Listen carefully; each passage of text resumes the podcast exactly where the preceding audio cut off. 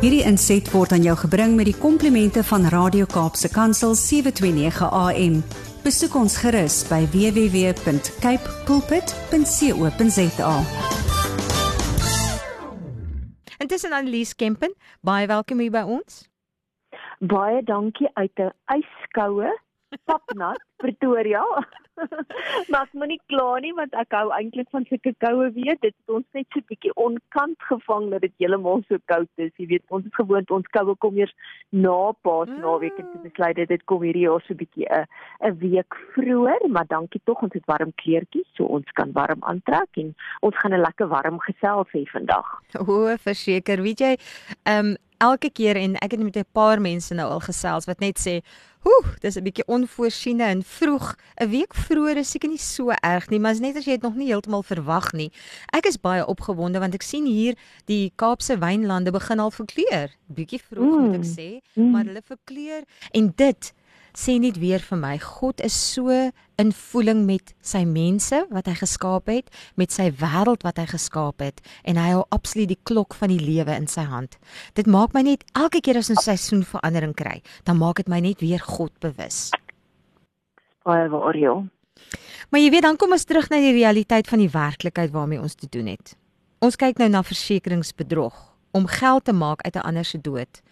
Hoe hartseer dat 'n mens van daardie hoogte af moet kom na 'n realiteit wat so kreenhard is, nê? Nee? Mm.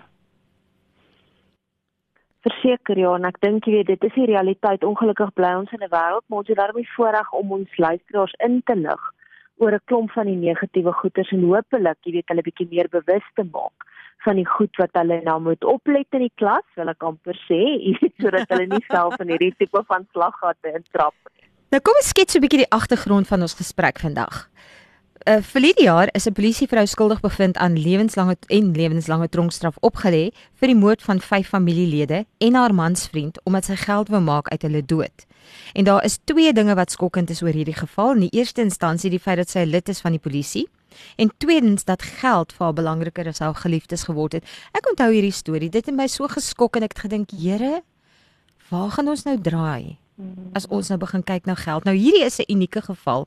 Is dit uniek of is daar ook ander gevalle waar mense as kommoditeite gesien word om geld uit te maak?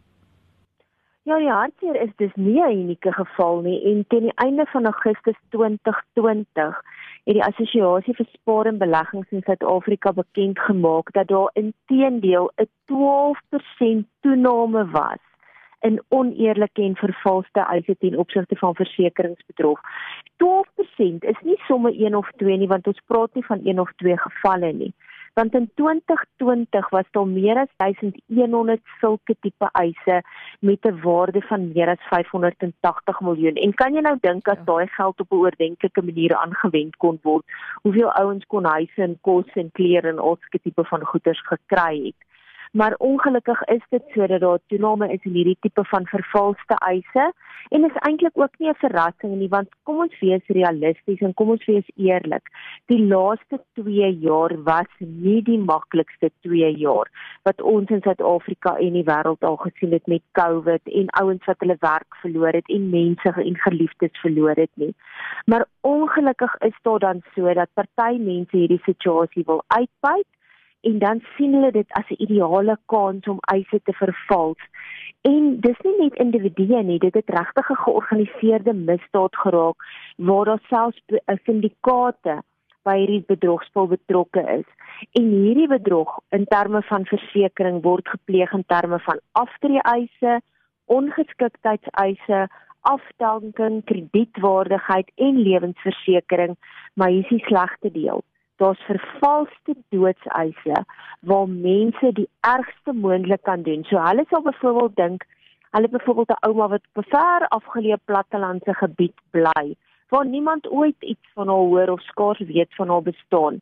En dan was daar mense al wat 'n eis ingedien het asof hulle ouma dood is en dan, jy weet, op so 'n manier bedrog gepleeg het. Goed wat ons noem 'n vervalste doodseis. Waar in jou lewe het jy al van sulke goed gehoor?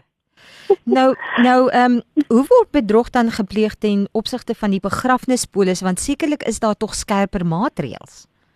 Ja, mense sou dink, maar dit is eintlik een van die maklikste plekke waar daar bedrog gepleeg kan word want dit word juis gesien as 'n sagte teiken vir bedrieërs en oneerlike individue en daarom is daar nogal op 'n gereelde basis bedrog wat in hierdie area gepleeg word want onthou net die oomblik as een van ons geliefdes sterf is 'n begrafnispolis juis daar en dis sy hele doel om vinnig uit te betaal sonder dat daar probleme ten opsigte van die versekerde se lewe is wat tot sterwe gekom het.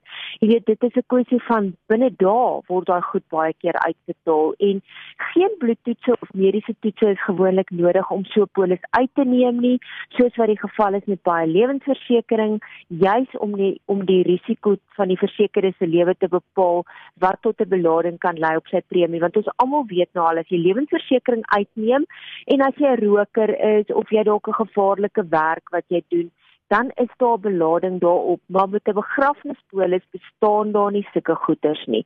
So die bedrog ten opsigte van begrafnispolisse word dikwels deur bedrieërs gepleeg wat persoonlike inligting van individue steel en dan dokumente vervals om 'n identiteit te skep. Nou ek het al baie in die verlede tussen jou program op leefstyl en ons normale leefprogram gepraat oor versekerings, ag oor identiteitsbedrog en hoe maklik dit is en hoe ver hierdie ouens gaan met die inligting wat hulle van ons as individue steel.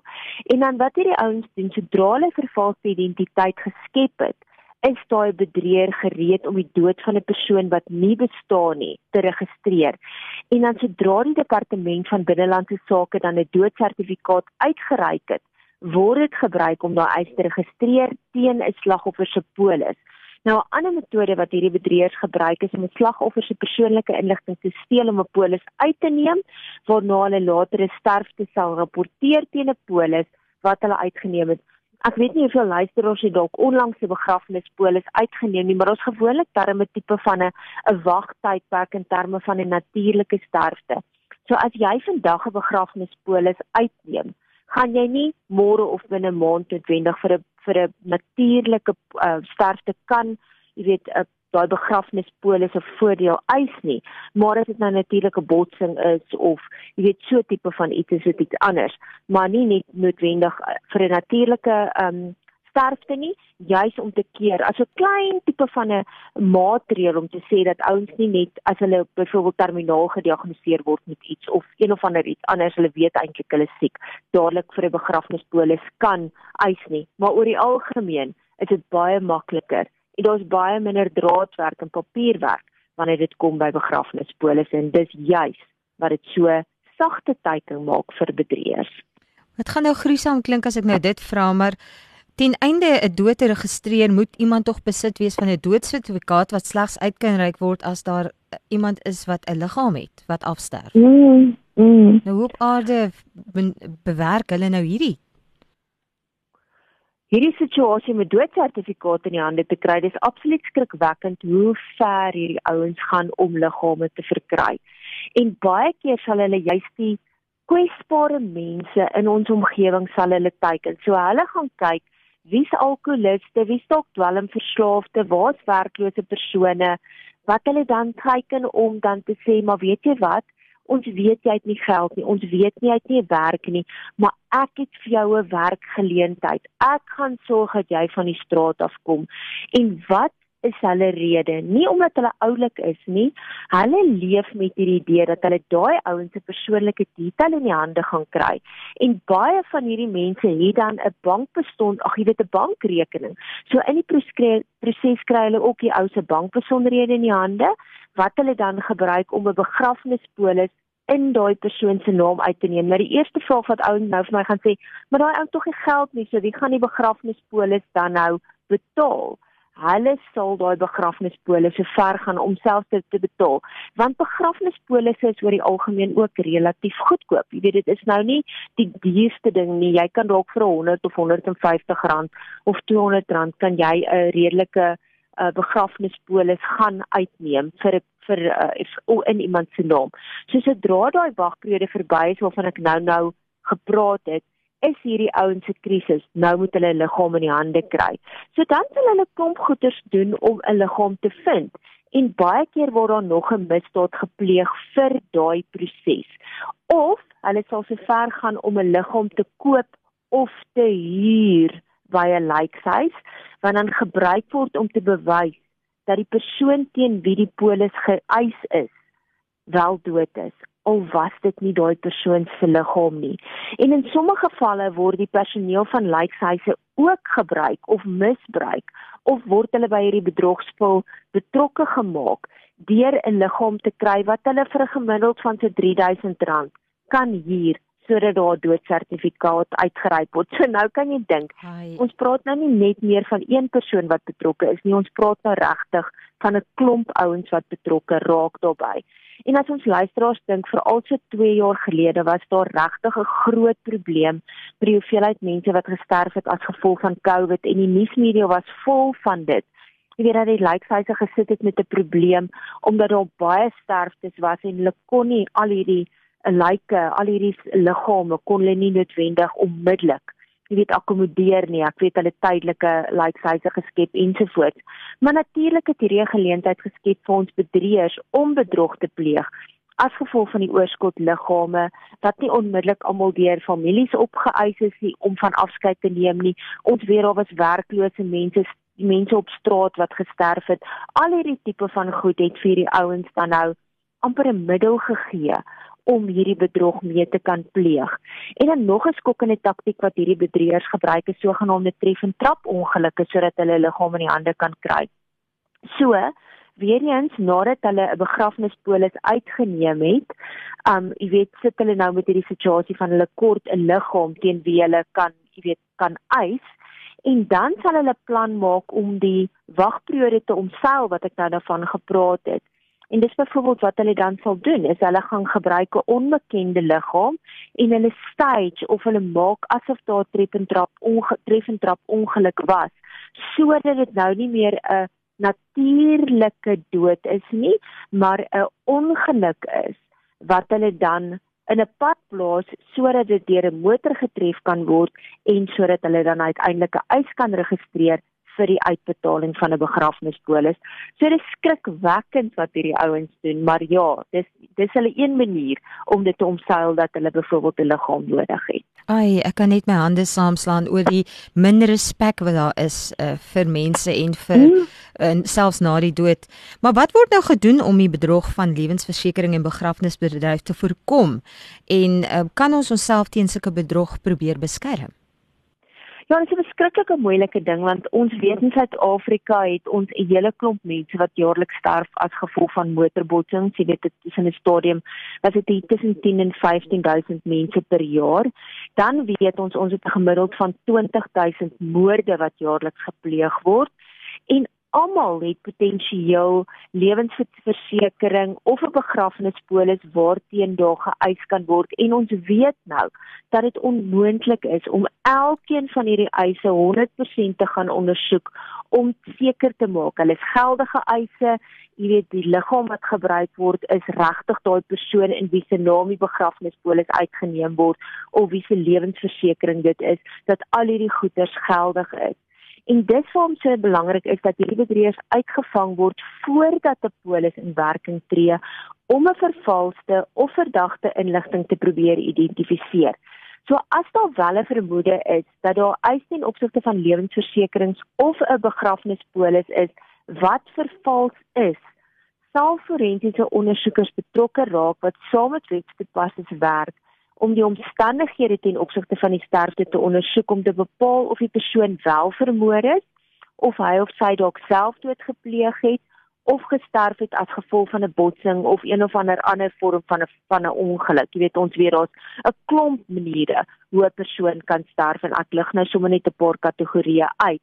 Maar met so verdagte sterfer sterfte sal die ondersoek enigiets doen om die oorsaak van die dood te bepaal insluitend of daai persoon dalk vergiftig is of hulle sal selfs toestemming kry dat die liggaam opgegrawe word of hulle sal die lijkhuis besoek om te bevestig of die liggaam werklik die is van die versekerde persoon teen wie se lewe geëis word. En ons weet daar's 'n klomp forensiese tegnieke wat gebruik kan word om dit te bepaal. Het sy van tandheelkunde tot sekere maniere wat hulle wel die vingerafdrukke vanaf 'n lijk kan lig of jy weet ander identifiseerbare merke wat gebruik kan word. Gelukkig weet ons die wetenskap is verskriklik slim.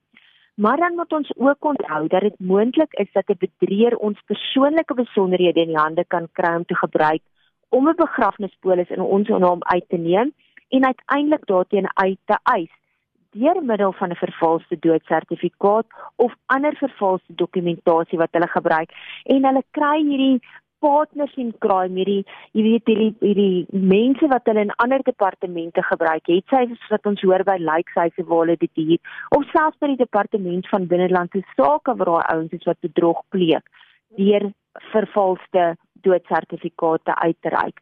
So wat kan jy en ek doen? Dit was tog jou vraag geweest.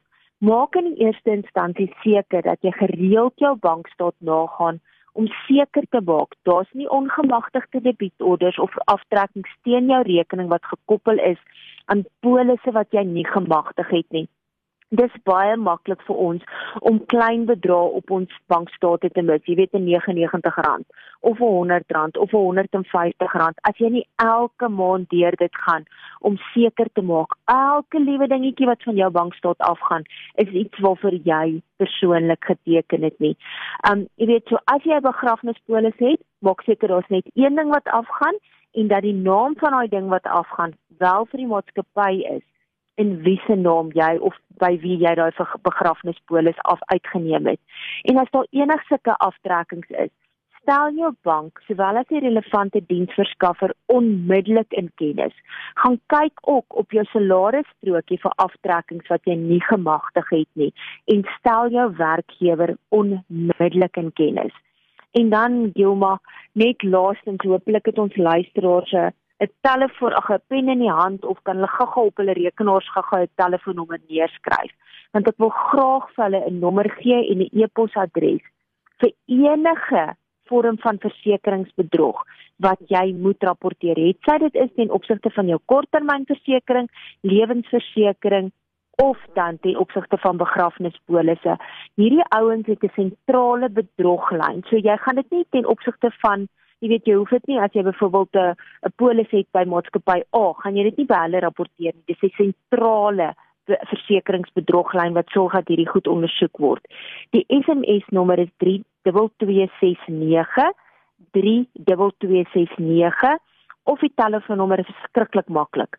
0860 00 25 26 0860 00 25 26 of die e-posadres is insurance@fraudline.co.za insurance@fraudline.co.za as jy weet van versekeringsbedrog en enige een van hierdie klomp bedrywe rapporteer dit asseblief. As ons dit nie gaan doen nie gaan ons almal hoër premies betaal en mense gaan dalk jy weet om die bos gelei word met goed wat teen hulle name uitgeneem word wat onnodig is en wat die skelms meer geld in hulle sakke gaan laat kry. Dit is nie aangename goed nie, maar dit is die realiteit waarmee ons sit in hierdie siek samelewing waarin ons is. So baie dankie hiervoor en uh, as jy enige navraag het of jy het dit dalk gemis, ons het dit hier by ons by Radio Kaapse Kansel ook waar ons die detail kan gee en ek sal ook weer eens as ons nou klaar gegroet het, sal ek dit net weer eens vir jou deurgee. Annelies, baie baie dankie vir die dag en vir die saamkuier. Mag jy ook 'n geseënde Paastyd hê. Baie dankie vir jou en al die luisteraars ons hoop hulle gaan regtig onthou wat die ware betekenis is van hierdie spesiale tyd vir ons almal elke jaar. 'n Heerlike dag verder. Totsiens. Groetnis, tata. Hierdie inset was aan jou gebring met die komplimente van Radio Kaapse Kansel 729 AM. Besoek ons gerus by www.cape pulpit.co.za.